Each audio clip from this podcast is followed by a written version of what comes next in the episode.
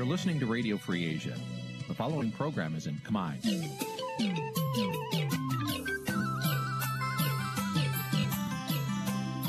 Nǐ chi càm bi tiệp xáy vệt chiu a zì sê ray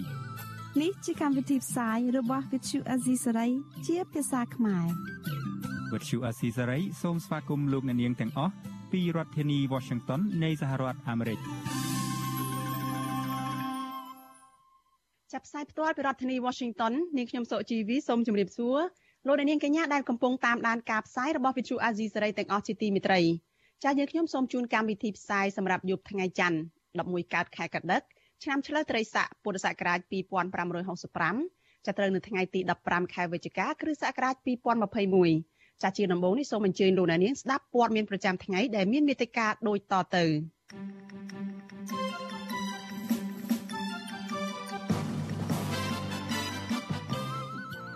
សកម្មជនបកប្រឆាំងរិះគន់ថារបបក្រុងភ្នំពេញមានចេតនាចង់រឹបអូសទីស្នាក់ការរបស់គណៈបកសង្គ្រោះជាតិ4ឆ្នាំក្រោយរំលាយគណៈបកសង្គ្រោះជាតិតុលាការនៅតែមិនទាន់ជំនុំជម្រះរឿងក្តីមេបកប្រឆាំងដែលត្រូវចោទពីបទក្បត់ជាតិប្រពន្ធលោកចៅវាសនាអាណិតប្តីនៅក្នុងពន្ធនាគារក្រោយឃើញតុលាការដោះលែងសកម្មជនជាបន្តបន្ទាប់ ពលរដ្ឋនៅក្នុងខេត្តកំពង់ស្ពឺជាង400គ្រួសារបដិសេធមេដៃដាក់ញត្តិស្នើសុំអាជ្ញាធរខេត្តកំពង់ស្ពឺរក្សាព្រៃសហគមន៍មួយឲ្យគង់វង្សរួមនឹងព័ត៌មានផ្សេងៗមួយចំនួនទៀតចាជាបន្តទៅទៀតនេះនាងខ្ញុំសុជីវីសូមជូនព័ត៌មានទាំងនេះពិស្ដាចលនានេះជាទីមេត្រីព្រះមហាក្សត្រព្រះបាទនរោត្តមសីហមុនីបានយាងត្រឡប់មកដល់ប្រទេសកម្ពុជាវិញហើយនៅព្រឹកថ្ងៃទី15ខែវិច្ឆិកាក្រោយព្រះអង្គបានបញ្ចប់ព្រះរាជបេសកកម្ម ចូលរួមអង្គមហាសន្និបាតលើកទី41និងខួបទី75របស់អង្គការ UNESCO នៅប្រទេសបារាំងក្រុមមេដឹកនាំកម្ពុជាកម្ពុជានៃរបបក្រុងភ្នំពេញរួមមានប្រធានព្រឹទ្ធសភាលោកសៃឈុំប្រធានរដ្ឋសភាលោកហេងសំរិននិងលោកនាយរដ្ឋមន្ត្រីហ៊ុនសែនរួមទាំងមន្ត្រីជាន់ខ្ពស់មួយចំនួនទៀតបានអញ្ជើញទៅស្វាគមន៍ការយាងវិលត្រឡប់មករបស់ព្រះអង្គនៅឯអាកាសយានដ្ឋានអន្តរជាតិភ្នំពេញក្នុងឱកាសយាងចូលរួមមហាសន្និបាតរយៈពេល5ថ្ងៃ ចាប់តាំងពីថ្ងៃទី11ខែវិច្ឆិកាដល់ថ្ងៃទី14ខែវិច្ឆិកាឆ្នាំ2021ព្រះបាទនរោត្តមសីហមុនីបានថ្លែងបរិយាសន្តរកថាដោយផ្ដោតលើសមិទ្ធផលសំខាន់សំខាន់របស់អង្គការ UNESCO ប្រចាំនៅកម្ពុជាព្រះអង្គក៏បានជូនដំណឹងដល់អង្គការ UNESCO ថាកម្ពុជាកំពុងតែរៀបចំឯកសារចំនួន2ដើម្បីស្នើសុំដាក់បញ្ចូលគុណល្បុក្កតោក្បាច់គុណបុរាណខ្មែរក្នុងប្រភេទបេតិកភណ្ឌអរូបីនិងរមណីយដ្ឋានបុរេប្រ និងរមណីយដ្ឋានបុរាណវិទ្យាកោះកេររបស់កម្ពុជា ក្នុងប្រភេទបេតិកបេតិកភណ្ឌពិភពលោកទៅក្នុងបញ្ជីសម្បត្តិបេតិកភណ្ឌពិភពលោករបស់អង្គការ UNESCO បច្ចុប្បន្ននេះប្រាសាទរបស់កម្ពុជាចំនួន3ត្រូវបានដាក់បញ្ចូលជាសម្បត្តិបេតិកភណ្ឌពិភពលោកតាមរយៈមហាសន្និបាតអង្គការ UNESCO រួមមានប្រាសាទអង្គរត្រូវដាក់ជាសម្បត្តិបេតិកភណ្ឌពិភពលោកកាលពីឆ្នាំ1992បន្ទាប់មកមានប្រាសាទព្រះវិហារកាលពីឆ្នាំ2008 និងតំបន់ប្រាសាទសម្បូរព្រៃគុកកាលពីឆ្នាំ2017ចាស់ចំណែកសម្បត្តិបេតិកភណ្ឌអរូបីគឺមានចំនួន5ក៏ត្រូវដាក់បញ្ចូលទៅក្នុងបញ្ជីបេតិកភណ្ឌរបស់អង្គការ UNESCO ផងដែរដែលរួមមានលខោនខោលត្រូវដាក់បញ្ចូលនៅក្នុងឆ្នាំ2018ចាប់បីដងវែងនៅក្នុងឆ្នាំ2016លបែងទាញព្រាត់នៅក្នុងឆ្នាំ2015របាំបរិយាទ្របនៅក្នុងឆ្នាំ2003និងលខោនស្បែកធំកាលពីឆ្នាំ2005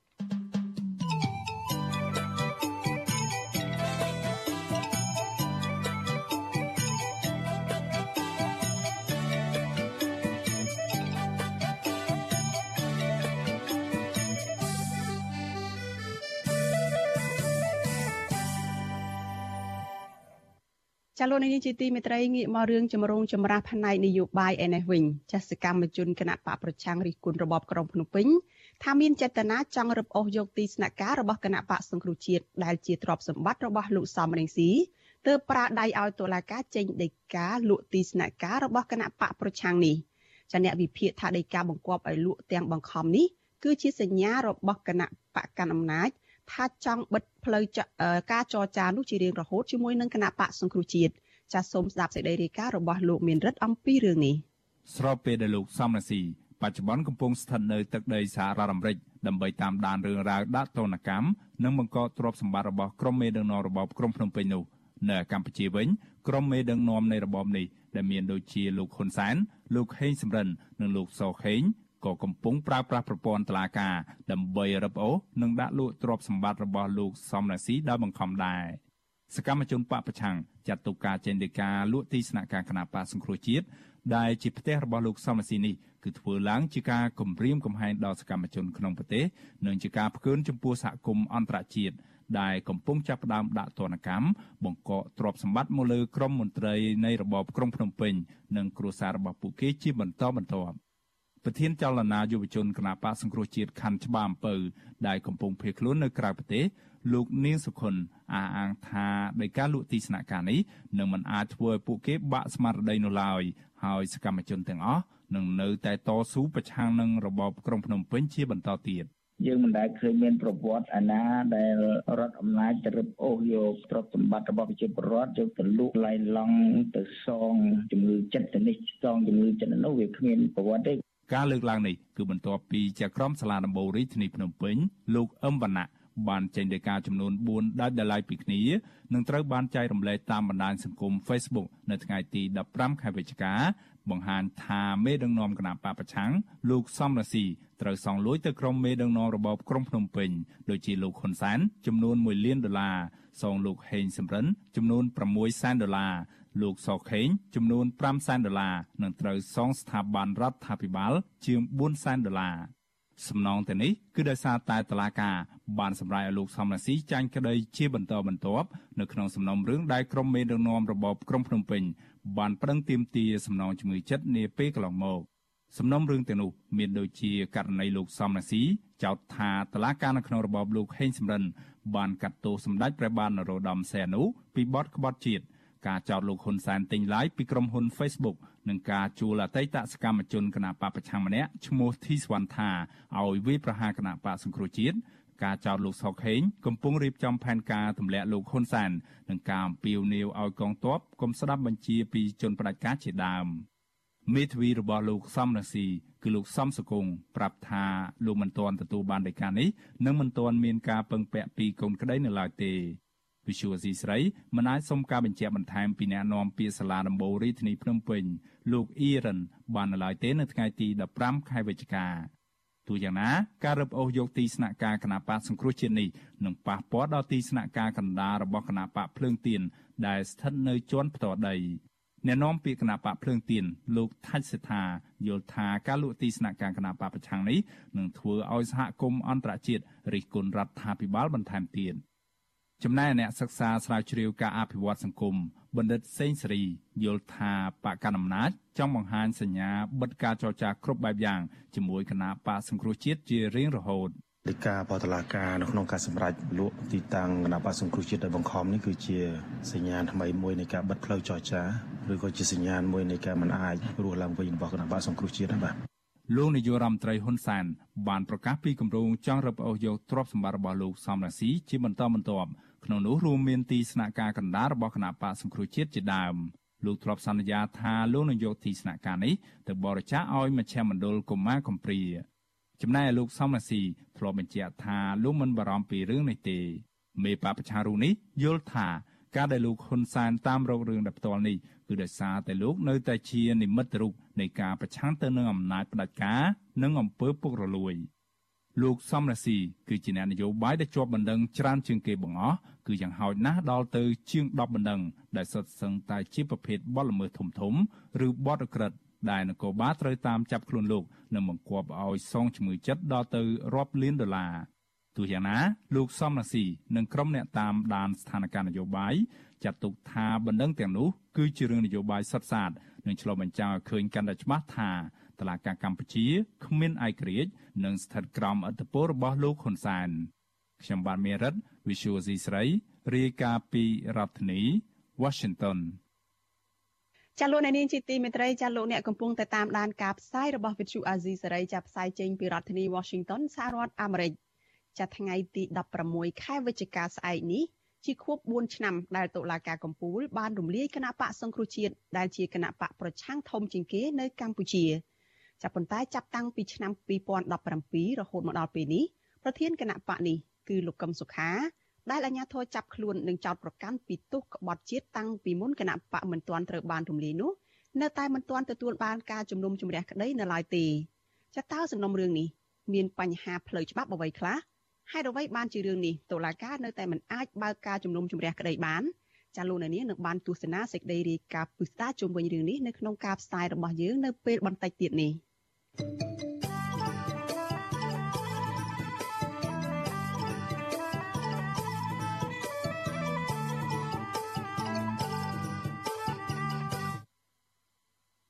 ចាលោកនេះជាទីមេត្រីក្រុមអង្គការសង្គមស៊ីវិលសមាគមបណ្ដាញសម្ព័ន្ធសហជីពសហគមន៍មូលដ្ឋានទាំងជនជាតិដើមភាគតិចនិងមិនមែនភាគតិចចំនួន85ស្ថាប័ននៅថ្ងៃទី15ខែវិច្ឆិកានេះ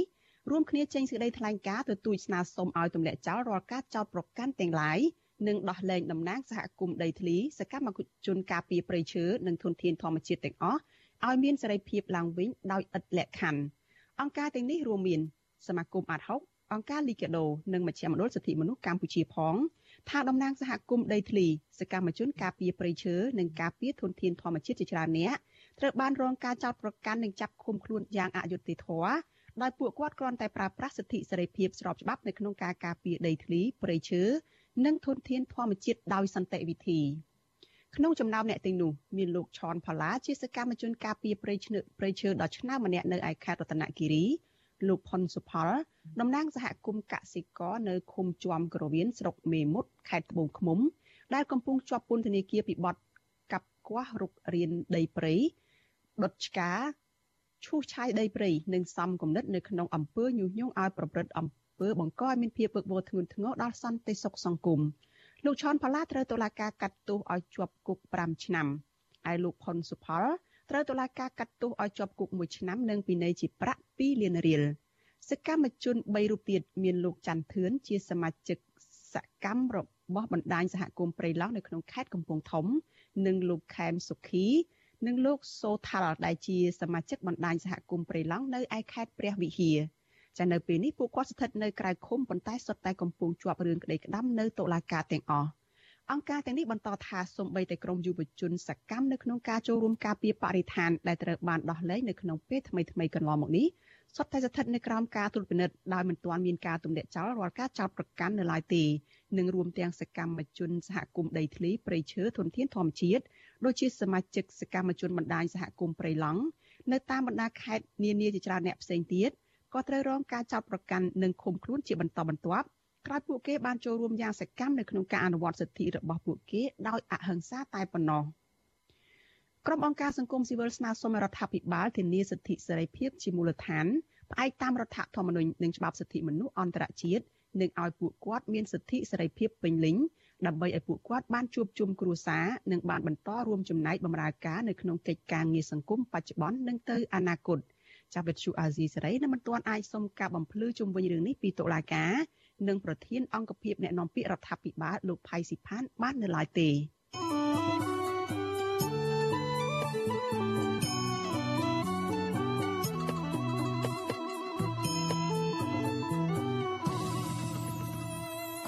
ចាលោកនាងកញ្ញាជាទីមេត្រីសេចក្តីរាយការណ៍ពីខេត្តតាកែវឯណោះឲ្យដឹងថា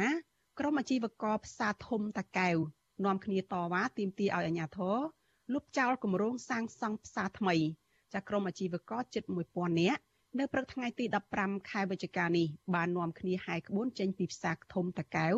ឆ្ពោះទៅសាលាខេត្តដើម្បីស្នើសុំដំណោះស្រាយបញ្ហានេះទៅតាមសំណើរបស់ពួកគាត់ចាអាជីវករលក់ត្រីម្នាក់លោកស្រីផូស៊ីណាត បានអះអាងថាមូលហេតុដែលក្រុមអាជីវករទាំងអស់មិនចង់ឲ្យអាជ្ញាធររុះរើផ្សារដើម្បីសាងសង់ផ្សារថ្មីនោះព្រោះតែផ្សារថ្មីនេះទើបព្រោះតែផ្សារចាស់នោះក៏ជាផ្សារថ្មីដែលទើបតែសាងសង់រួចថ្មីថ្មី នៅពេលនៅពេលនេះនៅមានសោភ័ណភាពស្រស់ស្អាតមានអនាម័យនិងសណ្ដាប់ធ្នាប់ល្អស្រាប់ហើយដូច្នេះពុំមានភាពចាំបាច់ណាមួយនៅក្នុងការរុះរើឡើងវិញឡើយម្យ៉ាងវិញទៀតក្រុមអាជីវករសុទ្ធតែជួបការលំបាកខាងផ្នែកជីវភាពដូច្នេះ ពួកគាត់ត្រូវការកន្លែងលក់ដូរនៅសប្តាហ៍ថ្ងៃនេះក្នុងផ្សារតកែទាំងមូលហ្នឹងម្នាក់ម្នាក់សិតតែជាពាក់លុយធនាគារលុយអង្គការគឺ99%ហើយហើយបើគាត់មានការរស់រើផ្សារពួកខ្ញុំនឹងពិបាកដូចសម្រាប់ពួកខ្ញុំទាំងរស់អញ្ចឹងអាជីវករមួយរូបទៀតលោកស្រីអ៊ុំវណ្ណាអះអាងស្រដៀងគ្នាដែរថាពួកគាត់ទាមទារឲ្យអាជ្ញាធរបញ្ឈប់គម្រោងរុះរើផ្សារដើម្បីឲ្យអាជីវករទាំងអស់អាចលក់ដូរបានធម្មតាតទៅទៀត អាជីវករគ្រប់គ្នាសិតតែចង់ខ្សែធនហើយពួកអីកូវីដហ្នឹងលក់អីក៏មិនដាច់ដែរបានតិចតួចចាយផងកូនរៀនផងហើយនឹងបងរត់ផងចាអាជីវករទាំងពីររូបនេះបានឲ្យដឹងបន្ថែមដូចគ្នាទៀតថាពួកគាត់មិនត្រូវការសំណងអ្វីទាំងអស់ដោយស្នើសុំរក្សារូបរាងផ្សារឲ្យនៅដូចដើមដោយស្ថានភាពបច្ចុប្បន្ននោះគឺគ្រប់គ្រាន់ហើយប៉ុន្តែបើអាជ្ញាធរមិនព្រមដោះស្រាយជូនពួកគាត់ទេក្រុមអាជីវករទាំងអស់ នឹងនៅតែបន្តការទៀមទាតវ៉ារបស់ពួកគាត់រហូតទៅចាឆ្លើយតបនឹងបញ្ហានេះអភិបាលខេត្តតាកែវលោកអ៊ូចភាបានចេញលិខិតមួយច្បាប់ដោយសន្យានឹងក្រុមអាជីវករថារដ្ឋបាលខេត្តនឹងធ្វើសំណើទៅក្រសួងសេដ្ឋកិច្ចនិងហិរញ្ញវត្ថុដើម្បីស្នើសុំគោលការណ៍លុបចោលការសាងសង់និងជួសជុលផ្សារធំតាកែវទៅតាមការស្នើសុំរបស់ក្រមអាជីវករចាក្រោយមានការសន្យាបែបនេះទើបក្រមអាជីវករនាំគ្នារំសាយការតវ៉ាទៅវិញ។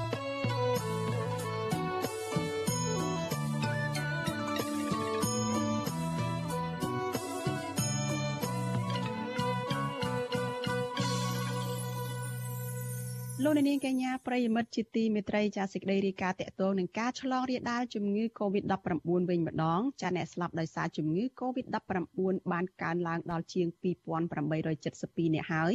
ក្រោយមានអ្នកជំងឺ5អ្នកទៀតបានស្លាប់ក្នុងនោះមាន4អ្នកគឺជាអ្នកដែលមិនបានចាក់ថ្នាំបង្ការជំងឺ Covid-19 ចាចំណែកករណីឆ្លងថ្មីវិញក្រសួងសុខាភិបាលប្រកាសថាមាន52អ្នកដែលជាលទ្ធផលបញ្ជាក់ដោយម៉ាស៊ីនពិសោធន៍ PCR ប៉ុន្តែតួលេខនេះមិនបានរាប់បញ្ចូលលទ្ធផលដែលពិនិត្យតាមឧបករណ៍តេស្តរហ័សឬ Rapid Test នោះទេចានៅថ្ងៃដដែលនេះកម្ពុជាទទួលបានវ៉ាក់សាំងប្រភេទ AstraZeneca ជាង3សែនដូសទៀតតាមរយៈយន្តការ COVAX ចានេះគឺជាលើកទី3ហើយដែលកម្ពុជាទទួលបានវ៉ាក់សាំងតាមរយៈយន្តការ COVAX នេះចាស់គិតត្រឹមព្រឹកថ្ងៃទី15ខែវិច្ឆិកានេះកម្ពុជាមានអ្នកកើតជំងឺ Covid-19 សរុបជិត120,000នាក់ក្នុងនោះអ្នកជាសះស្បើយមានជាង110,000នាក់ ក្រសួងសុខាភិបាលប្រកាសថាគិតត្រឹមថ្ងៃទី14ខែវិច្ឆិកាម្សិលមិញនេះរដ្ឋាភិបាលចាក់វ៉ាក់សាំងជូនពលរដ្ឋដែលគ្រប់អាយុនោះបានប្រមាណជាបានប្រមាណ10លានដូសសម្រាប់ដូសទី1និងជាង9លាន6សែននាក់សម្រាប់ដូសទី2ចំណែកកុមារនិងយុវជនដែលមានអាយុចន្លោះពី6ទៅដល់17ឆ្នាំវិញក្រសួងបញ្ជាក់ថាចាក់វ៉ាក់សាំងបានជាង3លាន9សែននាក់នៅក្នុងអ្នកដែលត្រូវចាក់ក្នុងចំណោមអ្នកដែលត្រូវចាក់សរុបជិត4លាននាក់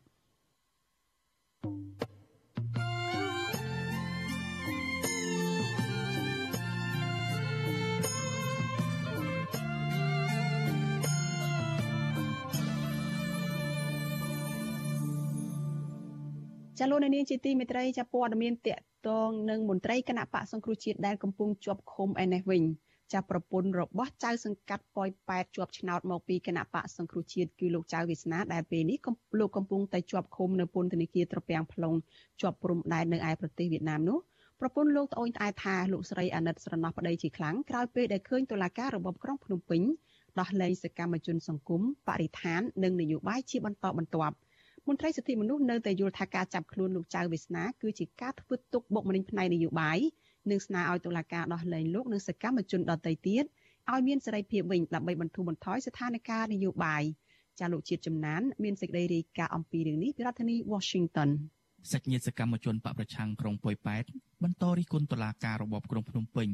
ដែលបន្តឃុំខ្លួនប្តីលោកស្រីក្នុងពន្ធនាគារដោយអយុត្តិធម៌នេះ ថាជាការធ្វើបាបប្រជាពលរដ្ឋស្លូតត្រង់ដែលមាននិន្នាការផ្ទុយពីរដ្ឋាភិបាលប្រពន្ធលោកចៅវាសនាគឺលោកស្រីវងកំហុងប្រាប់វិសុអេស៊ីសរ៉ៃនៅថ្ងៃទី15ខែវិច្ឆិកាថាប្តីរបស់លោកស្រីជាមនុស្សស្អាតស្អំដែលតែងតែធ្វើការងារដើម្បីប្រយោជន៍រួមក្នុងសង្គមដែលតុលាការគួរតែដោះលែងលោកចៅវាសនាតាំងពីដំបូងដោយមិនត្រូវដាក់ឃុំលោកមកដល់ពេលនេះនោះឡើយលោកស្រីចាត់ទុកការដែលតុលាការបន្តគុំខ្លួនប្តីលោកស្រីដោយអយុត្តិធម៌បែបនេះ ថាជាការបោះសម្អាតសម្លេងប្រជាធិបតេយ្យដែលជាឆ្អឹងទទឹងករបស់រដ្ឋាភិបាលលោកស្រីបញ្ជាក់ថាការធ្វើបែបនេះគឺជាការធ្វើឲ្យគ្រួសារគាត់កាន់តែឈឺចាប់ខ្លាំង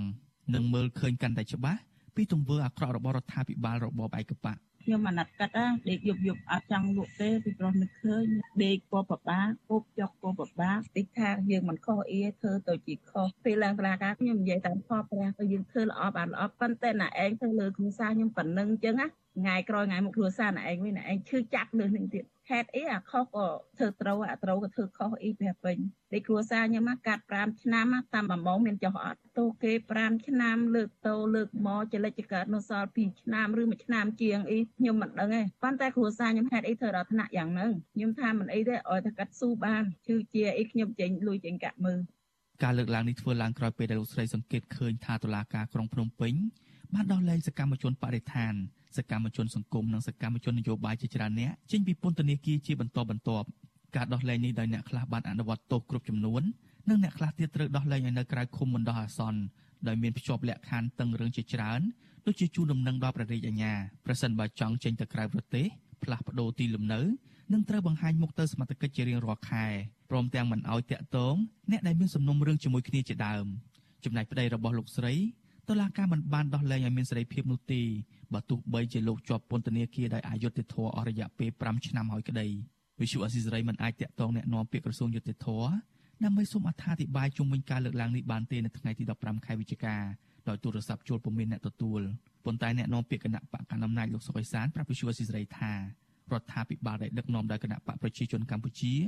មិនអាចលុកដៃលើរឿងនេះបានទេពីព្រោះលោកថាការបន្តគុំខ្លួនលោកចៅវាសនានិងសកម្មជនបកប្រឆាំងនេះជាសិទ្ធិរបស់តុលាការបន្ថែមពីនេះលោកតែងតែអះអាងដដែលដដែលដោយពេលមុនថាតុលាការបន្តឃុំខ្លួនពួកគេជារឿងត្រឹមត្រូវដែលលោកចោទថាសកម្មជនបកប្រឆាំងទាំងនោះបានប្រព្រឹត្តបទល្មើសធ្ងន់ធ្ងរអាហ្នឹងតែថាយល់ឃើញតែផ្ទាល់ខ្លួនទេ អ្នកដែលធ្វើខុសហើយមិនទទួលស្គាល់ថាខុសឡាការគេមានគេហៅថាឯកសារគេមានភ័ស្តុតាងគេមានពិរុទ្ធភាពហើយស្ថានតំបន់ទោសយ៉ាងម៉េចគេកាត់ទៅតាមគោលការណ៍ច្បាប់ហ្នឹងអាហ្នឹងបើវាត្រូវចោលលួចចាប់បាននៅមុខហើយនឹងនៅថាអត់លួចទេតើរមានភ័ស្តុតាងមានទីត្រឹមត្រូវបានប្រកែកដៃកើតអាហ្នឹងរឿងក៏ប៉ុណ្ណឹងទោះជាយ៉ាងណាប្រធានសមាគមការពារសិទ្ធិមនុស្សអាត់ហុកលោកនីសុខានៅតែយល់ថាការចាប់ខ្លួនលោកចៅវាសនា ជាការធ្វើទុកបុកម្នេញផ្នែកនយោបាយពីព្រោះលោកមើលឃើញថាមន្ត្រីបពប្រឆាំងរូបនេះមិនបានប្រព្រឹត្តខុសច្បាប់អ្វីឡើយមន្ត្រីសិទ្ធិមនុស្សរូបនេះស្នើឲ្យតុលាការដោះលែងលោកចៅវាសនានិងសកម្មជនបពប្រឆាំងទាំងអស់ដែលកំពុងជាប់ឃុំនៅក្នុងពន្ធនាគារឲ្យមានសេរីភាពឡើងវិញដើម្បីបន្ធូរបន្ថយស្ថានភាពនយោបាយនៅកម្ពុជា ដូចខ្ញុំបានលើកខាងដើមថារដ្ឋាភិបាលគួរតែរូតរះក្នុងការបង្ហាញអេរិយាបថឲ្យមតិជាតិអន្តរជាតិមើលឃើញអំពីការឆន្ទៈរបស់រដ្ឋាភិបាលក្នុងការសម្របសម្រួលបញ្ហានយោបាយដើម្បីឈានទៅរៀបចំការបោះឆ្នោតមួយឲ្យមានការចូលរួមត្រឹមត្រូវបាទនេះរឿងដែលសំខាន់បាទលោកចៅវាសនាគឺជាចៅសង្កាត់ប៉ោយប៉ែតជាប់ឆ្នោតគណៈបកសង្គ្រោះជាតិដែលមានដើមកំណើតជាខ្មែរក្រោមក្នុងវ័យ57ឆ្នាំ លោកគឺជាមន្ត្រីបកប្រឆាំងទី1ដែលជាប់ពន្ធនាគារយូរជាងគេដោយសាលាដំបងខេត្តបន្ទាយមានជ័យបានផ្តន្ទាទោសលោកឲ្យជាប់ពន្ធនាគាររយៈពេល5ឆ្នាំក្រោមបទចោទប្រកាន់គឺញុះញង់ឲ្យប្រើអំពើហិង្សាមានស្ថានទម្ងន់ទោសពាក់ព័ន្ធនឹងរឿងចោះមើលកម្មករអូរទេសតវ៉ានៅក្រុងប៉ោយប៉ែតលោកបានជាប់ឃុំក្នុងពន្ធនាគារខេត្តបន្ទាយមានជ័យតាំងពីដើមឆ្នាំ2017ប៉ុន្តែនៅចុងខែវិច្ឆិកាឆ្នាំ2020អាជ្ញាធរបានបញ្ជូនលោកចៅវាសនា ទៅឃុំខ្លួននៅពន្ធនាគារតាពាំង plong រហូតមកដល់ពេលនេះចាស់សង្កាត់ប៉ោយប៉ែតគណៈបកសង្គ្រោះជាតិជាប់ឆ្នោតរុំនេះបានអនុវត្តទោសជិត5ឆ្នាំហើយពលគឺនឹងគ្រប់កំណត់ទោសនៅថ្ងៃទី16ខែកុម្ភៈឆ្នាំ2022ខាងមុខខ្ញុំបាទជាចំណាន Visual Assisray ពីរដ្ឋធានី Washington ចាលោកនាងកញ្ញាជាទីមេត្រីចាគណៈបកនយោបាយដែលត្រៀមខ្លួនចូលរួមការបោះឆ្នោតនៅក្នុងការបោះឆ្នោតក្រុមប្រឹក្សាឃុំសង្កាត់ឆ្នាំ2022និងបោះឆ្នោតជាតិនៅក្នុងឆ្នាំ2023ខាងមុខនោះចាបានចាប់ផ្ដើមសកម្មភាពរបស់ខ្លួនបណ្ដាបណ្ដាហើយនៅតាមមូលដ្ឋាននៅក្រៅពេលដែលលោកនាយរដ្ឋមន្ត្រីហ៊ុនសែនបានប្រកាសឲ្យមានការជួបជុំគ្នាឡើងវិញចាស់ចំពោះលោកអ្នកនាងដែលជាម្ចាស់ឆ្នោតតើយល់យ៉ាងណាចំពោះការចុះពង្រឹងមូលដ្ឋានរបស់គណៈបកនយោបាយនៅពេលនេះ ចាចំពោះអ្នកដែលជំនាញកិច្ចការបោះឆ្នោតវិញតើមើលឃើញយ៉ាងណាអំពីស្ថានភាពនៃការបោះឆ្នោតនៅក្នុងឆ្នាំ2022និងឆ្នាំ2023ខាងមុខនេះចាសសូមលោកនាងកុំភ្លេចតាមដានបទសម្ភាសន៍មួយចារវាងនាងខ្ញុំជាមួយនឹងអ្នកជំនាញផ្នែកកិច្ចការបោះឆ្នោតនៅក្នុងការផ្សាយរបស់យើងនៅយប់នេះចាដែលនឹងចាប់ផ្ដើមនៅម៉ោង8:30នាទីបន្តិចទៀតនេះ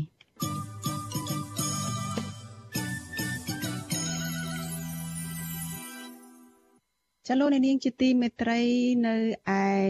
ស្រុកកណ្ដាលស្ទឹងខេត្តកណ្ដាលចាក្រមតំណាងពលរដ្ឋដែលរងផលប៉ះពាល់ពីគម្រោងសាងសង់ប្រលានយន្តហោះអន្តរជាតិភ្នំពេញថ្មី នៅឯខេត្តកណ្ដាលនោះបាននាំគ្នាដាក់ញត្តិស្នើសុំកិច្ចអន្តរាគមន៍និងដំណោះស្រាយពីក្រសួងរៀបចំដែនដីនគររូបនីយកម្មនិងសំណង់នៅក្នុងវិវាទដីធ្លីរបស់ពួកគេជាមួយនឹងក្រុមហ៊ុន OCIC របស់អង្គញាពុងខៀវសែចាក្រុមអង្គការសង្គមស៊ីវិលរំពឹងថា ក្រសួងដែនដីនឹងដោះស្រាយបញ្ចប់ចំនួននេះដោយសម្របសម្រួលជាមួយនឹងភាគីទាំងពីរទាក់ទងនឹងការកំណត់តម្លៃដីឲ្យបានសមរម្យណាមួយចាលោកលេងម៉ាលីមានសេចក្តីរាយការណ៍អំពីរឿងនេះ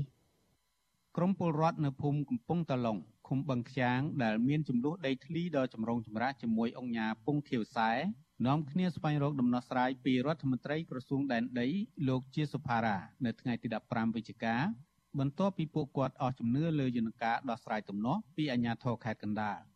តំណាងពលរដ្ឋលោកស្រីខឹមម៉ាលីថ្លែងថាពលរដ្ឋនៅមិនទាន់ឃើញដំណោះស្រាយណាមួយដែលឲ្យពលរដ្ឋម្ចាស់ដីអាចទទួលយកបាននោះទេក្នុងរយៈពេល4ឆ្នាំមកនេះក្រៅពីខាងក្រុមហ៊ុន និងអាជ្ញាធរកំណត់តម្លៃដី1ម៉ែត្រការ៉េ8ដុល្លារដដែលឲ្យពលរដ្ឋគណៈតម្លៃដីបច្ចុប្បន្នចាប់ពី80ទៅ100ដុល្លារក្នុង1ម៉ែត្រការ៉េ លោកស្រីបន្តថាតម្លៃដីដែលពលរដ្ឋចង់បានពីភាគីក្រុមហ៊ុនគឺ80ដុល្លារក្នុង1ម៉ែត្រការ៉េ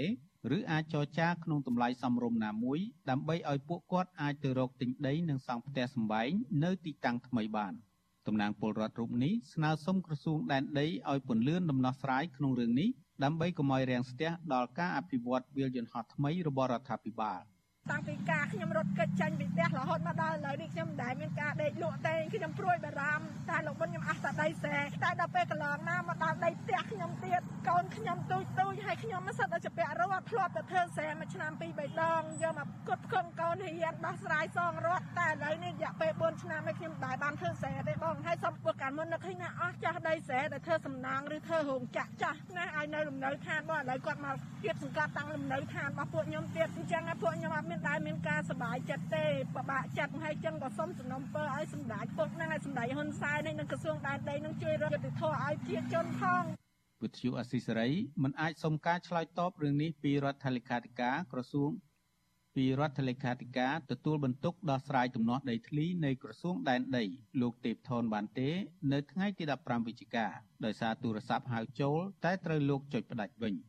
តកតងនឹងរឿងនេះ អ្នកសម្របសម្រួលគម្រោងធុរកិច្ចនិងសិទ្ធិមនុស្សនៃមជ្ឈមណ្ឌលសិទ្ធិមនុស្សកម្ពុជាលោកវ៉ាន់សុផាត មានប្រសាសន៍ថាទំនាស់នេះអាចបញ្ចប់ទៅបានប្រសិនបើក្រសួងមានឆន្ទៈព្យាយាមរកដំណោះស្រាយជូនពលរដ្ឋតាមរយៈយន្តការសម្របសម្រួលនិងពិភាក្សាគ្នារវាងក្រុមហ៊ុនជាមួយពលរដ្ឋក្នុងការកំណត់តម្លៃដីសមរម្យណាមួយដែលភាគីទាំងពីរអាចទទួលយកបាន។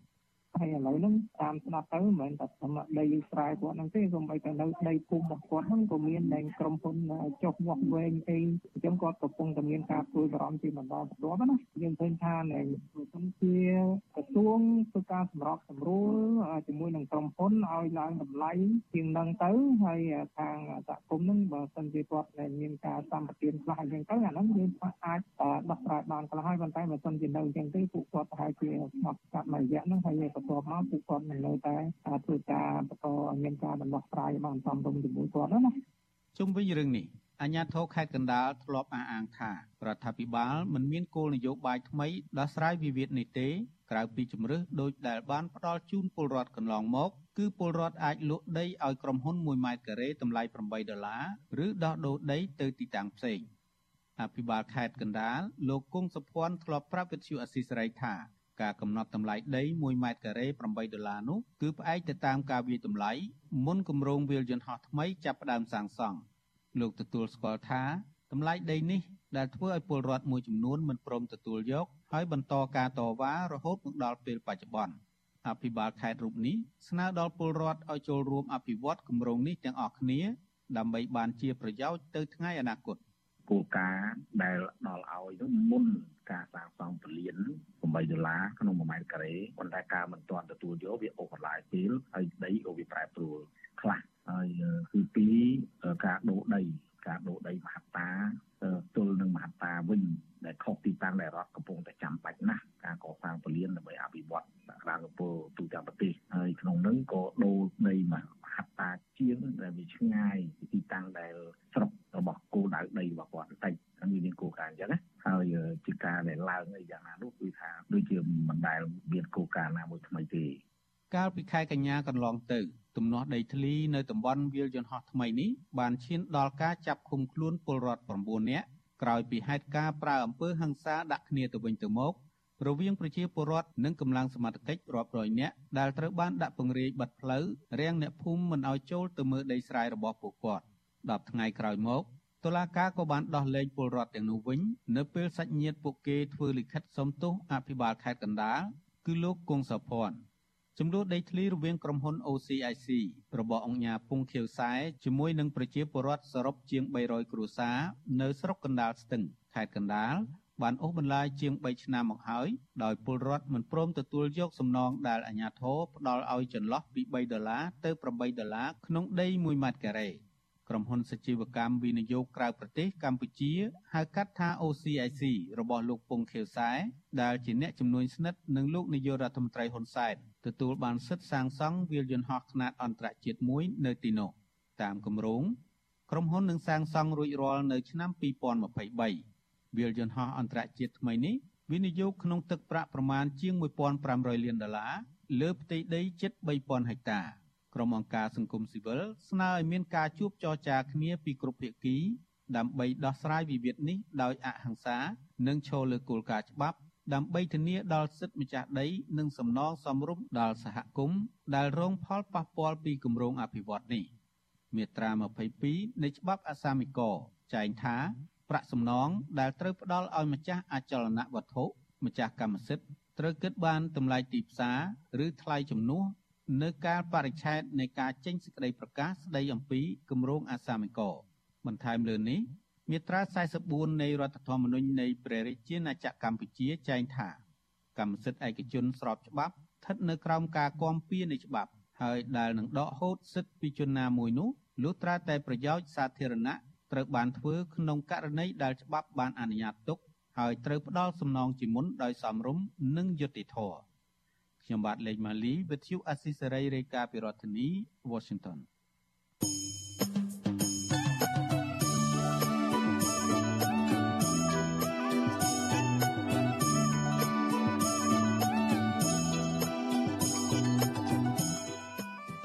ចាលោកនាងកញ្ញាជាទីមេត្រីចាលោកនាងក៏អាចស្ដាប់ការផ្សាយរបស់វិទ្យុអាស៊ីសេរីចាដំណើរគ្នានឹងការផ្សាយតាមបណ្ដាញសង្គម Facebook និង YouTube នេះចាតាមរយៈ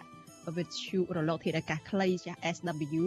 តាមកម្រិតនិងកម្ពស់ដូចតទៅនេះចាប់ពេលព្រឹកចាប់ពីម៉ោង5កន្លះដល់ម៉ោង6កន្លះតាមរយៈវិទ្យុរលកធាតុអាកាសខ្លី9390 kHz ស្មើនឹងកម្ពស់ 32m និង11850 kHz ស្មើនឹងកម្ពស់ 25m ចាប់ពេលយប់ចាប់ពីម៉ោង7កន្លះដល់ម៉ោង8កន្លះតាមរយៈរលកធាតុអាកាសខ្លី9390 kHz ស្មើនឹងកម្ពស់ 32m និង15155 kHz ស្មើនឹងកម្ពស់ 20m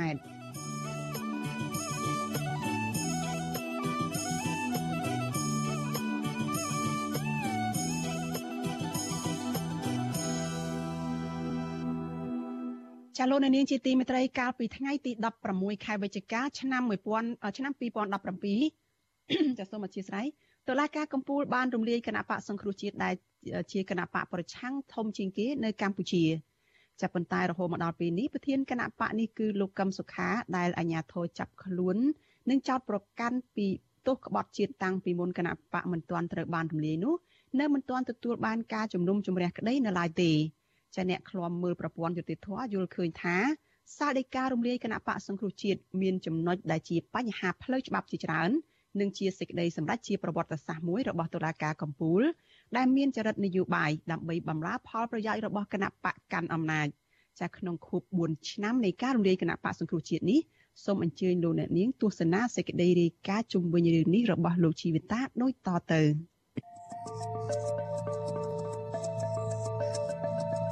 តុលាការកំពូលរងការរិះគន់ធ្ងន់ធ្ងរជាបន្តបន្ទាប់ក្រោយពីបានរំលាយគណៈបកសង្គ្រោះជាតិនៅមុនពេលមិនទាន់រកឃើញថាប្រធានគណៈបកនេះគឺលោកកឹមសុខា មានទោសឬអត់ទោសនៅឡើយអ្នកវិទ្យាសាស្ត្រនយោបាយនិងជាអ្នកច្បាប់បណ្ឌិតហៀងរិទ្ធីសម្ដែងការសោកស្ដាយថាតុលាការកំពូលមិនបានធ្វើតាមវិជាជីវៈរបស់ខ្លួនលោកបញ្ជាក់ថាប្រសិនបើចៅក្រមទាំង9រូបនោះធ្វើតាមមនសិការរបស់ខ្លួនយ៉ាងហោចណាស់ពួកគេត្រូវបើកសវនាការជំនុំជម្រះសំណុំរឿងលោកកឹមសុខាជាមុនសិន ដើម្បីឈានទៅរកការរំលាយគណៈបកនឹងបានវាលុត្រាណាដំទីតោលោកកឹមសុខាស្ដីពីការមានទោសសិនថាបានប្រព្រឹត្តអំពីមានបទល្មើសអ្វីហៅសន្តិភាពនឹងសិនបានអាចរំលាយគណៈបកនឹងបានប៉ុន្តែអានេះគេទៅជារំលាយគណៈបកនឹងមុនហើយការប្រំទាទោសនឹងមិនទាន់ទេខ្ញុំបញ្ជាក់ជូនថាតឡាការអត់ឯករាជ្យទេកាលណាគេឲ្យអ្នកនយោបាយគេឲ្យរំលាយគឺថាវាត្រូវតែរំលាយ ប៉ុន្តែដល់ពេលជំនុំជម្រះដល់រំលាយគណៈបកហ្នឹងវាមុនពេលផ្ដន់ទាតោអញ្ចឹងអាហ្នឹងវាជារឿងមួយខ្ញុំបញ្ជាក់ជូនថាតាមច្បាប់អត់ត្រូវតតតាបាទបាទអត់ទេខ្ញុំបានធ្វើអញ្ញាធរបានចាប់ខ្លួនលោកកឹមសុខានៅថ្ងៃទី3ខែកញ្ញាឆ្នាំ2017ហើយឃុំខ្លួនលោករហូតមកដល់បច្ចុប្បន្នជាង2ខែក្រោយការចាប់ខ្លួន ជាជាងបើកសវនាការជំនុំជម្រះលោកកឹមសុខា តុលាការកំពូលបានបើកសវនាការសម្រាប់រំលាយគណៈបកសង្គ្រោះជាតិទោះជាយ៉ាងណាពុំមានតំណាងណាម្នាក់ពីគណៈបកសង្គ្រោះជាតិចូលរួមក្នុងសវនាការនោះទេតុលាការកំពូលបានយកហេតុផលគណៈបកសង្គ្រោះជាតិមិនចូលរួមនេះថាជាការសារភាពទទួលកំហុសខ្លឹមសារក្នុងសេចក្តីសន្និដ្ឋានចំណុច6នៃសារដីកាកម្រាស់53ទំព័ររបស់តុលាការកំពូលសរសេរថា តុលាការកំពូលយល់ឃើញថាដោយគណៈបកសង្គ្រោះជាតិនៅស្ងៀមស្ងាត់មិនបានបង្ហាញឆន្ទៈក្នុងការតតាំងចំពោះការអះអាងរបស់មេធាវីតំណាងឲ្យក្រសួងហាផ្ទៃព្រមទាំងអវត្តមាននាពេលសវនាការដោយគ្មានមូលហេតុដែលតាមមាត្រា96មាត្រា201កថាខណ្ឌទី2និងមាត្រា140នៃក្រមនីតិវិធីរដ្ឋបវេនីចាត់ទុកថាជាការសារភាពទទួលស្គាល់នៅការអះអាងរបស់តំណាងក្រសួងមហាផ្ទៃថាជាការពិត ដែលជាកំហុសធ្ងន់ធ្ងរល្មើសនឹងមាត្រា6ថ្មី2នៃច្បាប់ស្តីពីវិសោធនកម្មស្តីពីគណៈបកនយោបាយនិងមាត្រា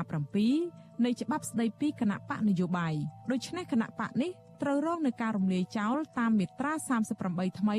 និងមាត្រា44ថ្មី2នៃច្បាប់ស្តីពីវិសោធនកម្មច្បាប់ស្តីពីគណៈបកនយោបាយ អ្នកនាំពាក្យក្រសួងយុតិធធលោកចិនម៉ាលីនបញ្ជាក់ថាតុលាការពិតជាបានបង្គាប់និងកោះហៅគណៈបកសង្គ្រោះជាតិឲ្យដាក់សារណាការពារខ្លួននិងចូលរួមក្នុងសវនាការប៉ុន្តែពុំមានតំណាងគណៈបកនេះចូលរួមឡើយលោកចិនម៉ាលីនបន្ថែមថាការមិនចូលរួមវាស្មើនឹងការទទួលយកបទចោទប្រកាន់នោះឥឡូវយើងមើលឡើងវិញគឺមានតែការកោះហៅមានការជូនដំណឹងឲ្យមេធាវីចូលដាក់ផុសតាង ក៏ប៉ុន្តែខាងគណៈបកសង្គ្រោះជាតិដែលជាអ្នកធ្វើពាក្យឯកាដោយខ្លួនឯងទេដែលបញ្ចូលរួមក្នុងដំណើរការនីតិវិធីរបស់តុលាការហើយជាគោលការណ៍ច្បាប់កាលណាយើងបញ្ចូលរួមក្នុងដំណើរការនីតិវិធីរបស់តុលាការអានីតិវិធីវានៅទៅមុខចឹងក៏ប៉ុន្តែយើងនៅខាតប្រយោជន៍បានន័យថាយើងទទួលយកនៅអ្វីដែលគេចោទប្រកាន់ប៉ុន្តែសម្រាប់អ្នកវិភាគបញ្ហាសង្គមនិងនយោបាយបណ្ឌិតឡាវមកហៃវិញមិនយល់ថាការធ្វើពហិការមិនចូលរួមក្នុងសវនាការរបស់គណៈបកសង្គ្រោះជាតិមានន័យថាគណៈបកប្រឆាំងមួយនេះ ទទួលយកនៅអ្វីដែលគេចោទប្រកាន់នោះទេ លោកថាការដែលគ្មានតំណាងគណៈបកសង្គ្រោះជាតិចូលរួមក្នុងសវនាការនៅថ្ងៃទី16វិច្ឆិកាឆ្នាំ2017នោះពីព្រោះគណៈបកនេះដឹងមុនហើយថាសវនាការនេះមិនអាចផ្ដល់យុត្តិធម៌ជូនដល់គណៈបករបស់ខ្លួនឡើយហេតុដូច្នេះ លោកថាគណៈបកសង្គ្រោះជាតិមិនចង់ផ្ដល់ភាពស្របច្បាប់ឲ្យសាលដីការំលាយគណៈបកខ្លួន តាមរយៈការចូលរួមក្នុងសវនាការបង្ក្រប់កិច្ចនោះទេយើងត្រូវយល់ដឹងថាបើសិនជាដែលយើងទៅតតាំងហើយតុលាការយកច្បាប់បាទហើយធ្វើនៅវាអយុត្តិធម៌បាទនឹងគឺដែលយើងទៅទទួលស្គាល់ច្បាប់ហ្នឹងទៅអញ្ចឹងនឹងគេមានសិទ្ធិអត់ទទួលស្គាល់ច្បាប់ហ្នឹងបាទ ព្រោះច្បាប់ហ្នឹងទោះជាដែលក្រមប្រសាទធម្មនុញ្ញនឹងដែលអនុម័តថាមានធម្មនុញ្ញភាពក៏ដោយព្រោះថាសមាជិកភាពបាទរបស់ដែលក្រមប្រសាធម្មនុញ្ញហ្នឹងគឺដែលភាកច្រើនមកពីដែលគណៈបកដែលការអំណាចព្រោះជាគណៈបកកម្មណាចោតប្រកាន់បាទជាអ្នកចោតប្រកាន់ដូច្នេះអាហ្នឹងគឺដែលវា វាអយុត្តិធម៌គឺដែលចេះថាបកប្រាទៅបាទចេះបាទ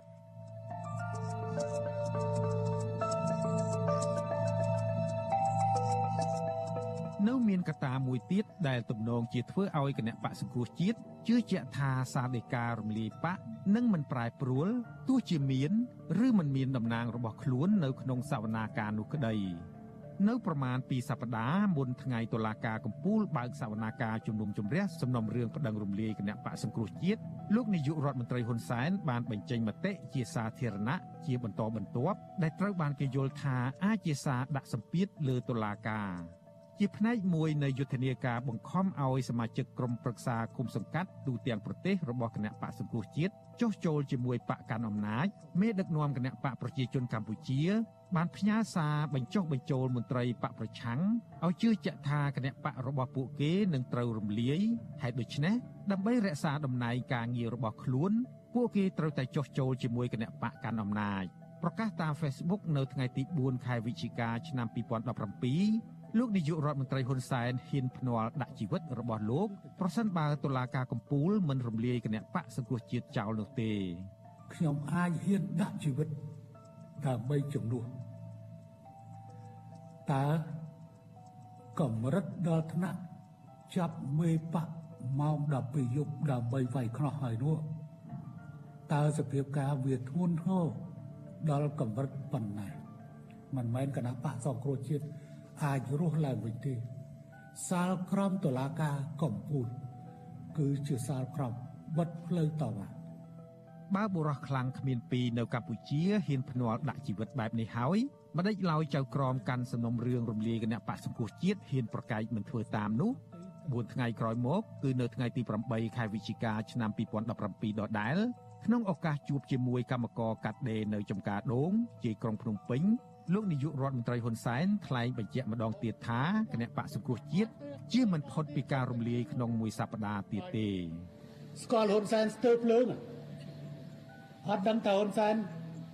គេសិក្សាពីផ្លូវច្បាប់ច្បាស់ណាស់ម្យ៉ាងទៀតខ្លួនអត់ដាក់មេធាវីទៅទៀតដល់ឡាអត់ដាក់មេធាវីហ្នឹងលឿនប្រូចត្មងនិយាយពីលឿនថ្ងៃដល់6នឹងចាំមើលបណ្ឌិតឡាវម៉ុងហៃមានប្រសាសន៍ថា នៅពេលសំណុំរឿងក្តីក្តាំណាមួយចូលដល់ដៃតុលាការហើយអ្នកមានអធិបុលនិងអំណាចមិនត្រូវធ្វើអត្ថាធិប្បាយណាមួយទៅលើរឿងក្តីនោះឡើយពីព្រោះវាធ្វើឲ្យចៅក្រមភ័យខ្លាចជាហេតុនាំឲ្យពួកគេធ្វើសេចក្តីសម្រេចចិត្តផ្ទុយពីឧត្តមគតិនិងមនសិការរបស់ខ្លួនប៉ះពាល់ដល់ដំណើរការរកយុត្តិធម៌ ដូច្នេះគឺគាត់មានអធិពលអញ្ចឹងគឺគាត់មិនត្រូវនិយាយទេហើយបើនិយាយជាសាធារណៈនោះអានេះកម្មវិធីទៀតហើយប៉ុន្តែជាឯកជនស្រាប់កាត់អានេះអត់អីទេមានអធិពលយ៉ាងម៉េចលោកទៅសូមបញ្ជាក់ថាគាត់ជាប្រធានគណៈបកកណ្ដាលអំណាចហើយគឺចៅក្រមយ៉ាងហោចក៏មួយចំនួនធំដែរគឺជាសមាជិកដែរគណៈបកហើយមានចូលចូលរួមក្នុងសកម្មភាពនយោបាយដើម្បីជួយគណៈបកនឹងថែមទៀតរួមទាំងវិភាគវិធានឯថែមទៀតបាទម្ល៉េះហើយគឺអានេះនោះប្រធានបក យុរដ្ឋត្រីដែលគេហៅជាទូទៅនេះថាបរោះខ្លាំងកណ្ដលឺអញ្ចឹងគឺតាមដឹងមកនោះគឺគឺជាគ្មានណាហ៊ានធ្វើអីខុសនឹងប្រសាសន៍របស់យុរដ្ឋត្រីនេះទេបើនៅស្រុកគេគឺតឡាការឯករាជ្យហើយគឺចៅក្រមមានបបពិសោធន៍មានចំណេះចិត្តនឹងពួកក្នុងច្បាប់ឲ្យគូការច្បាប់គូការយុទ្ធធម៌ប្រវត្តិសាស្ត្រស្ថានភាពនេះបាទគេនឹងចេញដីកាមួយហាមគាត់មិនឲ្យគាត់តែមានប្រសាសន៍ទេជាសាធារណៈ ហើយក៏គេអាចដាក់តនកម្មទៀតបើច្បាប់គេគេមានហៅយើងបកប្រែសម្ាច់ថាមើលងាយតុលាការ contempt of court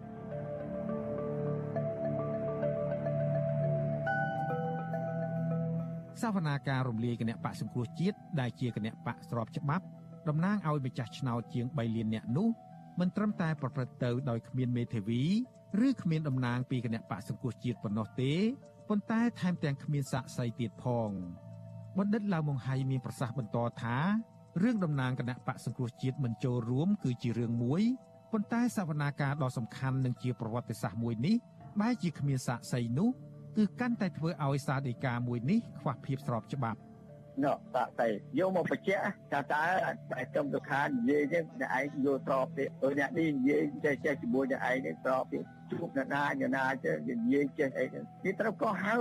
អ្នកនឹងជាសាស្ត្រីមក ជាដើម្បីអានោះគឺអ្វីដែលយើងដឹងហ្នឹងឲ្យបានច្បាស់លាស់ពិតថាមែនគាត់បានទៅជួបតាក់ទងជាមួយអីចឹងដើម្បីច្បាស់អានោះដូចអត់មានម្នាក់ទេអ្នកនយោបាយទូការគឺគេអាចកំប៉ោងដើម្បីលើកទឹកចិត្តតែសកម្មជនបកគេឬអ្នកគ្រប់គ្រងឬដើម្បីចាក់ទាញឲ្យមានអ្នកគ្រប់គ្រងការពិតគឺនៅអាដែលសវនកម្មតុលាការមកគេបង្ហាញផោះតាងមកទាំងអស់អាអ្នកចាប់ប្រកាន់ចាប់ប្រកាន់មកហើយមានផោះតាងចាប់ប្រកាន់អាអ្នកដែលការពារការពារមកមានស្អីខ្លះអីខ្លះខ្លះ អាហ្នឹងដែលគេតតាំងគ្នាបង្ហាញសាកសីផោះតាងមានសាកសីបច្ចេកទេសដែរដើម្បីរកការពិតការពិតយុទ្ធធម៌ទៅជាមួយគ្នាយុទ្ធធម៌អត់កើតមានបានទេបើសិនជាអត់មានការពិត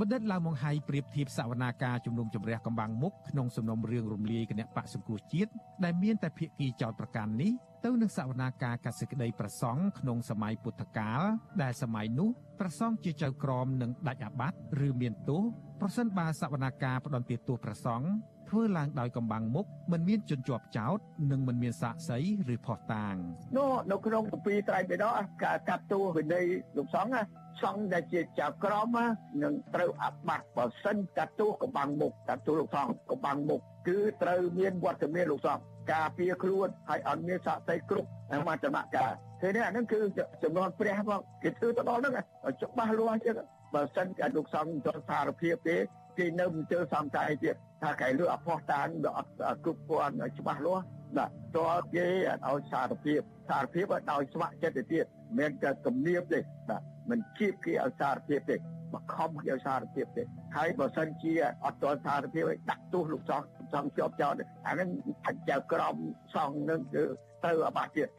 ចំពោះរឿងត្រូវអាបត្តិឬមិនត្រូវអាបត្តិនោះ ចៅក្រមសម័យបច្ចុប្បន្នប្រហែលជាមិនខ្វល់ប៉ុន្មានទេដោយសារពួកគេហាក់ស៊ាំទៅនឹងការរិះគន់របស់សហគមន៍ជាតិនិងអន្តរជាតិដែលថាស្ថាប័នវិនិច្ឆ័យនេះជាឧបករណ៍នយោបាយរបស់បកកាន់អំណាចអ្វីដែលមន្ត្រីតុលាការទំនងជាព្រួយបារម្ភទៅវិញនោះគឺការធ្វើយ៉ាងណាកុំឲ្យគណៈបកកាន់អំណាចអអន់ស្រពន់ចិត្តពីព្រោះវាអាចប៉ះពាល់ដល់សវត្ថិភាពការងារនិងលៀបសការៈរបស់ពួកគេ ទោះដោយបង្ខំក្តីឬដោយស្ម័គ្រចិត្តក្តីបណ្ឌិតឡាមង្ហៃបញ្ជាក់ថាចៅក្រមមួយចំនួនធំ ជាភ្នាក់ងាររបស់គណៈបកប្រជាជនកម្ពុជាគឺចៅក្រមយ៉ាងហោចជាមួយចំនួនធំដែរនឹងគឺជាសមាជិកគណៈបកកណ្ដាលអំណាចហើយមានចូលរួមក្នុងសកម្មភាពនយោបាយដើម្បីជួយគណៈបករួមទាំងវិភាគទៀតឯថៃទៀតបាទបាទ សវនាការរំលាយគណៈបកសង្គ្រោះជាតិដែលមានអាសនៈសភាតំណាងរាស្ត្រចំនួន55អាសនៈបានប្រព្រឹត្តទៅនៅថ្ងៃទី16ខែវិច្ឆិកាឆ្នាំ2017ដែលមានសមាជិកក្រុមប្រឹក្សាជំនុំជម្រះចំនួន9រូបចៅក្រមទាំង9រូបនោះ មានលោកដិតមន្ទីប្រធានតុលាការកំពូល គឺជាប្រធានក្រុមប្រឹក្សាជំនុំជម្រះមានតួនាទីក្នុងបកកាន់អំណាចវិញលោកដិតមន្ទីគឺជាសមាជិកគណៈអចិន្ត្រៃយ៍នៃគណៈបកប្រជាជនកម្ពុជា សមាជិកចៅក្រម8រូបផ្សេងទៀតដែលបានចូលរួមសម្រាប់រំលាយគណៈបកសង្គ្រោះជាតិមានលោកខឹមប៉ុនជាសមាជិកគណៈកម្មាធិការកណ្ដាលនៃគណៈបកប្រជាជនកម្ពុជា លោកជីវកេងលោកយូអូតារ៉ាលោកគង់ស្រីមលោកសេងនាង អ្នកស្រីសែមសាកូឡាអ្នកស្រីចាំងស៊ីណាត និងលោកគង់តារាឆាត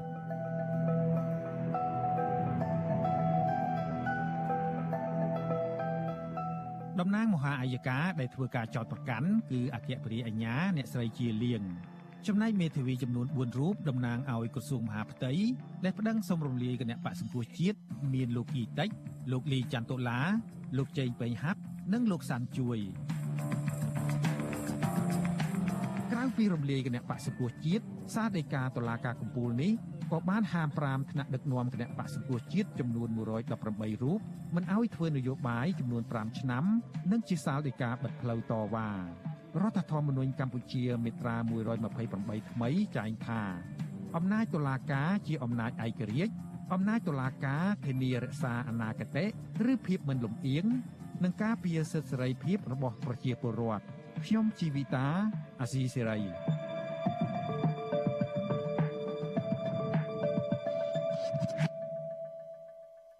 ចាលោកនាងជាទីមេត្រីចាលោកអ្នកកំពុងតែតាមដានការផ្សាយរបស់វិទ្យុអាស៊ីសេរីចាផ្សាយចេញពីរដ្ឋធានី Washington សហរដ្ឋអាមេរិក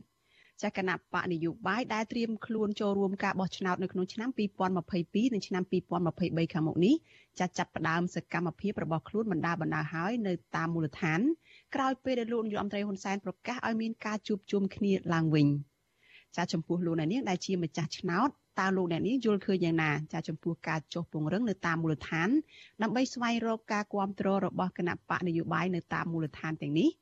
ចាត់ចោះចំពោះអ្នកដែលជាអ្នកជំនាញកិច្ចការបោះឆ្នោតវិញតើមើលឃើញយ៉ាងណាពីស្ថានភាពនៃការបោះឆ្នោតនៅក្នុងឆ្នាំ2022និងឆ្នាំ2023ខាងមុខ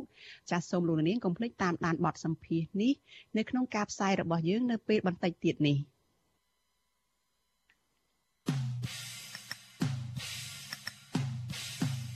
នេតិខ្មែរកម្ពុជាក្រោម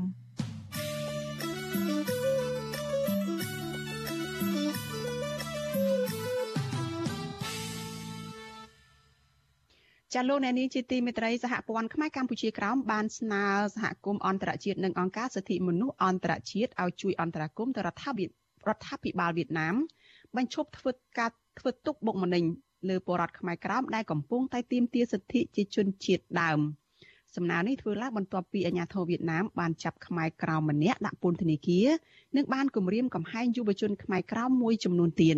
ចាប់ពីរដ្ឋធានី Washington លោកយុនសាមៀនមានសេចក្តីរាយការណ៍ពិស្ដារអំពីរឿងនេះសហព័ន្ធខ្មែរកម្ពុជាក្រោមកំពុងធ្វើយុទ្ធនាការស្វែងរកកិច្ចអន្តរាគមន៍ពីអាមេរិកនិងប្រទេសមួយចំនួនទៀតដើម្បីដាក់គំនាបទៅលើរដ្ឋាភិបាលវៀតណាមឲ្យដោះលែងកសិករខ្មែរក្រៅម្នាក់គឺលោកថាច់រិន ដែលកំពុងជាប់ពន្ធនាគាររងចាំសវនាការក្រោយលោកបង្ហោះព័ត៌មានតាមបណ្ដាញសង្គមទាមទារនិងផ្សព្វផ្សាយសិទ្ធិជនជាតិដើម។អាញាធរវៀតណាមខេត្តព្រះត្រពាំងបានចាប់ខ្លួនលោកថាច់រិន កាលពីថ្ងៃទី14ខែតុលាពីបទកេងចំណេញលើសិទ្ធិសេរីភាពនិងលទ្ធិប្រជាធិបតេយ្យ និងការបង្ហោះរូបភាពមេដឹកនាំលោកប្រធានហូជីមីញក្នុងចេតនាបង្កឲ្យមានផលប៉ះពាល់ដល់កិត្តិយសនិងសេចក្តីថ្លៃថ្នូរអតីតមេដឹកនាំវៀតណាមពាក់ព័ន្ធទៅនឹងរឿងនេះមន្ត្រីព័ត៌មានសហព័ន្ធខ្មែរកម្ពុជាក្រោមព្រះភិក្ខុសើងយើងរតនាមានថររាយការណ៍ថាវៀតណាមកំពុងយកលេសដើម្បីធ្វើទុកបុកម្នេញពលរដ្ឋខ្មែរក្រោមដែលចង់បានសិទ្ធិសម្រេចវាសនាដោយខ្លួនឯង ព្រះអង្គបន្តថាលោកថាច់រិនមិនបានផ្សព្វផ្សាយព័ត៌មានប៉ះពាល់ដល់អតីតមេដឹកនាំវៀតណាមនោះទេរដ្ឋាភិបាលវៀតណាមហ្នឹងគឺតែងតែបំបត្តិសិទ្ធិសេរីភាពចំពោះបរតខ្មែរក្រមទាំងការនិយាយស្ដីទាំងការផ្សព្វផ្សាយទាំងការបញ្ចេញសិទ្ធិ មតិរបស់ខ្លួនក្នុងនាមខ្មែរក្រមជាជនជាតិដើមហ្នឹងក៏ដូច្នេះសហព័ន្ធខ្មែរកម្ពុជាក្រមនៅតែទទូចចំពោះរដ្ឋាភិបាលវៀតណាមហ្នឹងគឺត្រូវតែផ្ដល់នូវភាពយុត្តិធម៌និងដោះលែងនៅមានសេរីភាពព្រោះថាលោកថៃគ្រឿនអត់មានខុសច្បាប់អ្វីទេព្រះភិក្ខុសើងយើងរតនាជាប្រជាអធិការវត្តខេមរៈរាំងសីនៅទីក្រុងសានហូសេរដ្ឋកាលីហ្វ័រញ៉ាផងនោះមានថរដីកាថា បច្ចុប្បន្នសហព័ន្ធខ្មែរកម្ពុជាក្រោមកំពុងស្វែងរកមធ្យោបាយគ្រប់បែបយ៉ាងដើម្បីឲ្យអាជ្ញាធរវៀតណាមដោះលែងលោកថាច់រិនវៀតណាមនៅតែរដ្ឋបတ်សិទ្ធិសេរីភាពហើយនឹងគៀបសង្កត់ចំពោះបរតខ្មែរក្រមយុវជនខ្មែរក្រមក្តីនៅលើទឹកដីកម្ពុជាក្រមនឹងយុទ្ធនាការរបស់សហព័ន្ធខ្មែរកម្ពុជាក្រមនោះគឺតែងតែ អំពាវនាវដល់សហគមន៍អន្តរជាតិដើម្បីឲ្យជួយធ្វើអន្តរាគមន៍ចំពោះករណីដែលរដ្ឋាភិបាលវៀតណាមនឹងទៅធ្វើទៅលើបរតខ្មែរក្រមទាំងអយុធធរបករណីអាញាធរវៀតណាមឃុំខ្លួនលោកថាច់រិនក្នុងពន្ធនាគារនេះមិនមែនជាករណីទី1ទេអាញាធរវៀតណាមកាលពីពេលថ្មីថ្មីនេះក៏បានចាប់ខ្លួនខ្មែរក្រៅម្នាក់ទៀតឈ្មោះវិនវ៉ាងដែបដាក់ពន្ធនាគារដោយសារតែលោកត្រូវបានអាញាធរវៀតណាម ចោទប្រកាន់ថាជាប់ពាក់ព័ន្ធទៅនឹងបដកម្មហិង្សាមួយទោះបីជាយ៉ាងណាតំណាងខ្មែរក្រោមអះអាងថាលោកវិនវ៉ាងដែបមិនបានប្រព្រឹត្តកំហុសដោយការចោទប្រកាន់នោះទេហើយការចាប់ខ្លួននេះជាលេសដោយសារតែលោកបានចូលរួមសម្ដែងមតិរឿងថ្ងៃបាត់បង់ទឹកដីខ្មែរក្រោមតាមបណ្ដាញសង្គម Facebook បច្ចុប្បន្នលោកវិនវ៉ាងដែបកំពុងជាប់ពន្ធនាគារហើយលោកត្រូវតុលាការកាត់ទោសឲ្យជាប់ពន្ធនាគាររយៈពេល2ឆ្នាំ។ អាញាធរវៀតណាមក៏បានសម្លុតគម្រាមកំហែងយុវជនខ្មែរក្រោមជាច្រើនរូបឲ្យបញ្ឈប់ផ្សព្វផ្សាយការទាមទារសិទ្ធិជាជនជាតិដើម និងផ្ដល់ព័ត៌មានទៅក្រៅប្រទេសរឿងអាញាធរធ្វើទុកបុកម្នេញខ្មែរក្រោមអាញាធរវៀតណាមកំពុងតែទាមទារយុវជនខ្មែរក្រោមទាំងនោះឲ្យបង់ប្រាក់ពិន័យរាប់រយដុល្លាររឿងពួកគេប្រើប្រាស់បណ្ដាញសង្គមផ្សព្វផ្សាយច្បាប់អន្តរជាតិស្ដីពីជនជាតិដើម ពាក់ព័ន្ធទៅនឹងករណីគម្រាមកំហែងយុវជនខ្មែរក្រោមនេះព្រះភិក្ខុសើងយើងរតនាទទូចឲ្យយុវជនខ្មែរក្រោមរក្សាស្មារតីស្នេហាជាតិនិងកុំចាញ់សម្លុតអាញាធរវៀតណាមសហព័ន្ធខ្មែរកម្ពុជាក្រមនៅតែគ្រប់គ្រងនិងលើកទឹកចិត្តចំពោះសកម្មភាពរបស់យុវជនខ្មែរក្រមក្តីបរតខ្មែរក្រមក្តីដែលរស់នៅលើទឹកដីកម្ពុជាក្រមគឺ សូមកោតសរសើរចំពោះទឹកចិត្តរបស់យុវជនខ្មែរក្រមនឹងសហព័ន្ធខ្មែរកម្ពុជាក្រមគឺតែងតែធ្វើសកម្មភាពនៅលើឆាកអន្តរជាតិរហូតទៅដល់អង្គការសិទ្ធិមនុស្សដាក់របាយការណ៍ជូនទៅដល់អង្គការសហប្រជាជាតិនោះឆ្លើយតបទៅនឹងសំណើរបស់មន្ត្រីព័ត៌មានសហព័ន្ធខ្មែរកម្ពុជាក្រោមនេះយុវជនខ្មែរក្រោមដែលកំពុងរងការធ្វើទុកបុកម្នេញពីសំណាក់អាជ្ញាធរវៀតណាមបដិញ្ញាថា ពួកគេនឹងបន្តយុទ្ធនាការទាមទារសិទ្ធិជនជាតិដើម និងសិទ្ធិស្វ័យសម្រេចដោយខ្លួនឯងទៅថ្ងៃអនាគតយុវជនខ្មែរក្រោមលោកតៅហ្វាងជើងប្រាប់វិទ្យុអាស៊ីសេរីថាវៀតណាម មានចេតនាបំបាក់ស្មារតីខ្មែរក្រោមមិនឲ្យហ៊ានងើបឡើងតវ៉ាទាមទារសិទ្ធិសេរីភាពទើបអាជ្ញាធរធ្វើការឃាត់ខ្លួននិងឃុំខ្លួនខ្មែរក្រោមជាបន្តបន្ទាប់មកជំរាបប្រាប់ត្រង់ទៅចុះការតស៊ូរបស់ យុវជនរបស់ប្អូនហ្នឹងគឺតើនៅតែមានការបន្តតស៊ូទាមទារនៅសិទ្ធិក្នុងនាមជាម្ចាស់ស្រុកហ្នឹងរហូតចុះក៏មានការចប់ទេមានការសម្រាប់ដល់រាបណាក៏ដោយអូននៅតែមានជីវិតនៅមានដង្ហើមគឺថាតស៊ូទាមទារសិទ្ធិហ្នឹងលុះត្រាតែដង្ហើមចុងក្រោយយុវជនតោហ្វាងជើងត្រូវអាជ្ញាធរវៀតណាមនៅខេត្តព្រះត្រពាំងផាកពិន័យចំនួន300ដុល្លារពីបទប្រើប្រាស់បណ្ដាញសង្គមចែកចាយព័ត៌មានរបស់សហព័ន្ធខ្មែរកម្ពុជាក្រោម ស្ដីពីការបាត់បង់ទឹកដីខ្មែរក្រោមក្នុងខួបបាត់បង់ទឹកដី លើកទី71ឆ្នាំលោកថាលោកសុកចិត្តជុលគុកជាជាងបង់លុយពីនៃឲ្យវៀតណាម ពីព្រោះលោកថាលោកគ្មានកំហុសនោះទេរបាយការណ៍សហព័ន្ធខ្មែរកម្ពុជាក្រោមប្រចាំឆ្នាំឲ្យដឹងថា កាលពីឆ្នាំ2020និងដើមឆ្នាំ2021 អាញាធរវៀតណាមបានបន្តរដ្ឋបិទសិទ្ធិសេរីភាពពលរដ្ឋនិងយុវជនខ្មែរក្រៅមិនឲ្យផ្សព្វផ្សាយប្រវត្តិសាស្ត្រពិតនៃការបាត់បង់ទឹកដី និងសិទ្ធិចែកចាយព័ត៌មានតាមបណ្ដាញសង្គមយុវជនខ្មែរក្រៅមួយចំនួនត្រូវបានអាជ្ញាធរវៀតណាមចាប់ផាកពិន័យហើយរឹបអូសយកសិភៅស្ដីពីសិទ្ធិជនជាតិដើមពីពួកគេចំណែកកសិករខ្មែរក្រោមជាច្រើនអ្នកដែលរងគ្រោះដោយសារតែអាញាធរវៀតណាមរឹបអូសយកដីស្រែ ក៏ត្រូវតុលាការកាត់ទោសឲ្យជាប់ពន្ធនាគាររាប់ឆ្នាំ ទាំងអយុធធម៌ផងដែរខ្ញុំយុនសាមៀនវិទ្យុអាស៊ីសេរីប្រធានាធិបតី Washington ចាលោកនាងជាទីមេត្រីរឿងដាច់ដライមួយទៀតចាប់ប្រជាពលរដ្ឋជាង400គ្រួសាររស់នៅឯខេត្តកំពង់ស្ពឺបានផ្តិតមេដៃស្នើឲ្យរដ្ឋាភិបាលបញ្ឈប់គម្រោងកាត់ជ្រៀលដីព្រៃសហគមន៍ដើម្បីបែងចែកទៅឲ្យគ្រួសារកងទ័ពដែលបង្កឲ្យផល បង្កផលប៉ះពាល់ទៅដល់ព្រៃឈើសត្វព្រៃនិងកន្លែងរករកអនុផលព្រៃឈើរបស់ពលរដ្ឋអ្នកភូមិបន្តអំពាវនាវឲ្យរដ្ឋាភិបាលរក្សាព្រៃសហគមន៍ភូមិពូមាសនោះឲ្យគង់វង្សដើម្បីសេចក្តីសុខរបស់ពលរដ្ឋជំរកសត្វព្រៃនិងជាកន្លែងគង់អាស្រ័យរបស់ព្រះសង្ឃជាច្រើនអង្គចាលោកនាងនឹងបានស្ដាប់សេចក្តីរាយការណ៍ពុស្ដាអំពីរឿងនេះនៅក្នុងការផ្សាយរបស់យើងនៅព្រឹកស្អែក ចាតកតងនឹងបញ្ហាគ្រឿងញៀនឯនេះវិញចាសមត្ថកិច្ចជំនាញនៃមន្ទីរប្រឆាំងបទល្មើសគ្រឿងញៀនបានបញ្ជូនជនជាតិចិនម្នាក់ដែលមានវ័យ52ឆ្នាំប្រើលិខិតឆ្លងដែនសញ្ជាតិកាណាដាទៅសាលាដំបងរាជធានីភ្នំពេញពាក់ព័ន្ធនឹងការរក្សាទុកនិងដឹកជញ្ជូនគ្រឿងញៀនឆ្លងដែនជាង160គីឡូក្រាមលាក់ទុកនៅទីតាំង3កន្លែងផ្សេងគ្នានៅក្រុងភ្នំពេញចាស់គ្រឿងញៀនដែលអាជ្ញាធររឹបអូសបាននោះភាគច្រើនជាប្រភេទ Ecstasy ម្សៅ Ecstasy ក្រាម និង Ecstasy គ្រាប់ រួមនឹងកេកាមីនចាអគ្គស្នងការរងនគរបាលជាតិទទួលបន្ទុកបង្ក្រាបគ្រឿងញៀនគឺលោកម៉ាក់ជីតូប្រាប់វិទ្យុអាស៊ីសេរីនៅថ្ងៃទី15ខែវិច្ឆិកាថាប្រភពគ្រឿងញៀនទាំងនេះគឺចេញមកពីប្រទេសចិនដែលអ ுக ្រិតជនវិច្ឆ័ពហើយផ្ញើតាមក្រុមហ៊ុនដឹកជញ្ជូន Express តាមផ្លូវគោកចូលមកកម្ពុជាដើម្បីត្រៀមបញ្ជូនតាមផ្លូវទឹកទៅប្រទេសទី3មានប្រទេសអូស្ត្រាលីអាមេរិកនិងចិនតៃវ៉ាន់ លោកបន្តថាបច្ចុប្បន្នជនសង្ស័យត្រូវបានតុលាការសម្រេចឃុំខ្លួននៅពន្ធនាគារព្រៃសរហើយក្រោយពីចោទប្រកាន់ពាក់ព័ន្ធនឹងបទល្មើសគ្រឿងញៀនលោកបញ្ជាក់ថាបញ្ហាគ្រឿងញៀននៅក្នុងឆ្នាំ2021នេះគឺកើនឡើង3ដងបើប្រៀបនឹងឆ្នាំកន្លងទៅចាប់ប្រធានមជ្ឈមណ្ឌលពលរដ្ឋដើម្បីអភិវឌ្ឍគឺលោកយងកំឯងសង្កេតឃើញថាបញ្ហាគ្រឿងញៀនដែលបន្តហូរចូលមកកម្ពុជានេះគឺដោយសារតែការអនុវត្តច្បាប់ទុនខ្សោយនិងមានអំពើពុករលួយដែលធ្វើឲ្យក្រុមឈ្មួញជួញដូរគ្រឿងញៀន នៅតែមានសេរីភាពអាចធ្វើអាជីវកម្មនេះបានលោកយល់ថាអាញាធរគួរតែបន្តស្វែងរកមេជួញដូរគ្រឿងញៀនធំធំដែលសំងំលាក់ខ្លួននៅក្នុងនិងក្រៅប្រទេសមកដាក់ទោសតាមច្បាប់ឲ្យខាងតែបានដើម្បីបញ្ឈប់ការនាំចូលនិងចែកចាយគ្រឿងញៀននៅទូទាំងប្រទេសចាក្នុងរយៈពេល9ខែនៅក្នុងឆ្នាំ2021កម្ពុជាបានឃាត់ខ្លួនជនសង្ស័យពាក់ព័ន្ធនឹងគ្រឿងញៀនបានជិត10000នាក់និងគ្រឿងញៀនសរុបជាង1000គីឡូក្រាមចាក្នុងចំណោមជនសង្ស័យទាំងនោះ មានមនុស្សជាង6000នាក់ជាប់ពាក់ព័ន្ធនឹងការជួញដូរគ្រឿងញៀនហើយមនុស្សជាង3000នាក់រួមនឹងជនបរទេសផងពាក់ព័ន្ធនឹងការប្រើប្រាស់គ្រឿងពាក់ព័ន្ធទៅនឹងការប្រើប្រាស់គ្រឿងញៀន